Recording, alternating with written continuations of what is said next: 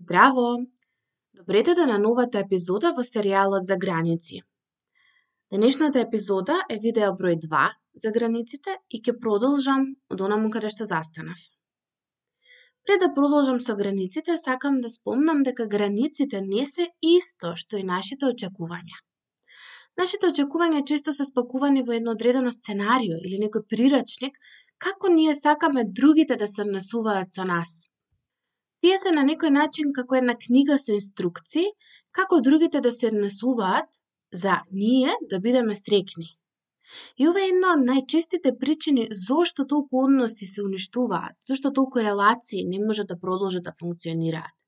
Ние не можеме да го контролираме секогаш нашето однесување, а најмалку да го направиме тоа за другите ќе повторам, ние немаме можност да го контролираме нашето однесување секогаш, а уште помалку да го контролираме туѓото однесување. И ова го спомнувам сега како не би дошло забона што се, а што не се граници.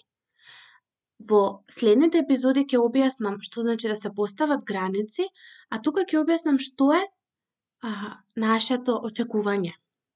Значи, ова не е исто како поставувањето граници, туку ова е наше барање и доколку истото не е прифатено од другата страна, ние ја преземаме одговорноста за тоа како ќе се чувствуваме. Ние немаме право да ги обвиниме другите ако некој исполниле нашето сценарио. Може да побараме, но без да очекуваме дека мора да направат нешто.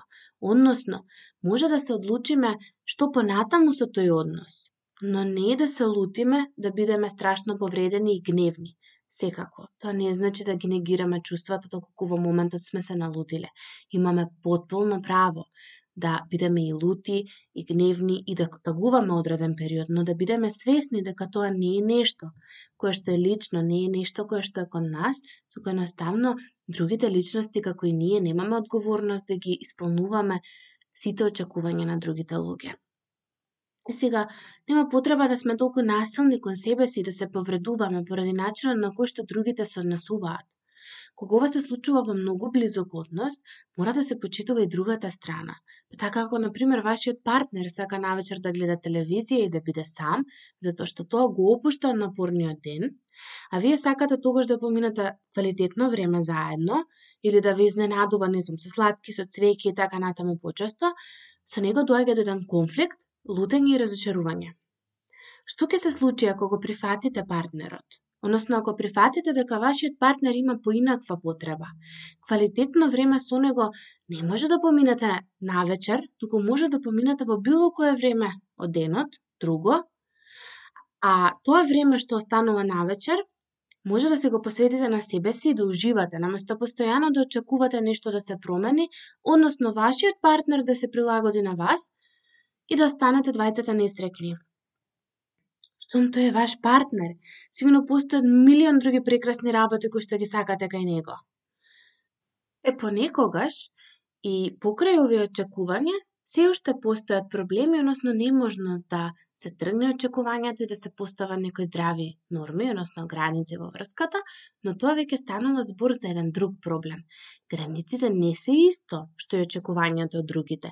Тие се поврзани, но разликата е што кога а, нешто веќе одредено однесување не загрозува нас, премногу ни смета, не повредува, влегува во нашиот личен простор, тогаш нашето барање а, да престане со истото е оправдано. Значи не можеме да бараме пријателката да доаѓа порано код постојано доцни и не го почитува нашето време. Са можеме да си ја пробаме среќата, нели нормално, меѓутоа можеме да ја кажеме дека следниот пат ќе ја чекаме, пример, 15 минути и се заменуваме. Односно, поставуваме граница со тоа што не ја напаѓаме неа, туку јасно и даваме до знаење дека ние нашето време си го почитуваме и најдолгиот период кој што може да го дадете за да ја почекате е 15 минути. За некого може би ова ќе биде помалку. Нормално, зависи колку ви значи времето и така натаму. Пример, на психотераписка сеанса, јас давам простор од 15 минути да почекам, но не значи дека јас ќе ја продолжам сеансата во тој момент, доколку не можам, односно доколку некој ме чека. Оставам на одговорност на клиентот. Секако, нели, има X ситуации, па ќе кажам границите се флуидни, зависно која е причината поради која што се доцни. Понекогаш на вистина некои работи се пооправдани и бараат поинаков пристап. Границата кога ја поставуваме, бара од, од нас да поставиме одредена последица. До овде е мое Временската рамка, просторот и околината може да се поместат согласно вашите потреби и истите се менливи, еластични, флексибилни во различен период од животот и јас би рекла во различен период и од денот. Границата ја поставуваме затоа што ние се сакаме себе си, односно граница се поставува затоа што се сакате себе си, а го сакате и другиот. И вие сакате односот да продолжи понатаму без негативни последици. Поставувањето граница е комплексна тема, која што дефинитивно заслужува и индивидуален пристап, но постојат некои работи општи кои што е многу убаво да ги знаеме. А, многу често се плашиме да кажеме не од страв да не бидеме социјално отфрлени или тенденција да сме фини и да сме добри со другите луѓе.